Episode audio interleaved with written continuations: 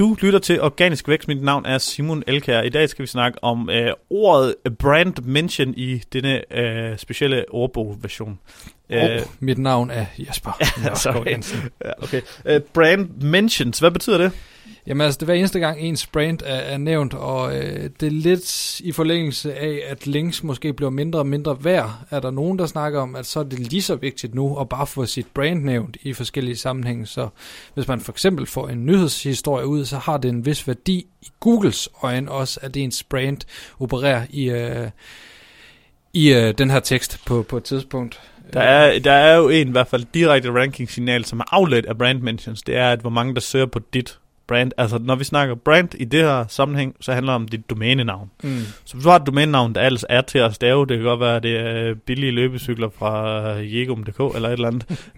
uh, men altså, nogle uh, måske mere...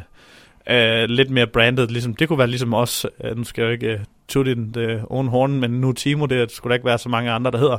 Uh, og hvis jo flere, der søger efter det, jamen jo flere positive brandsignaler har vi. Og det kan vi jo få ved at få flere brand mentions.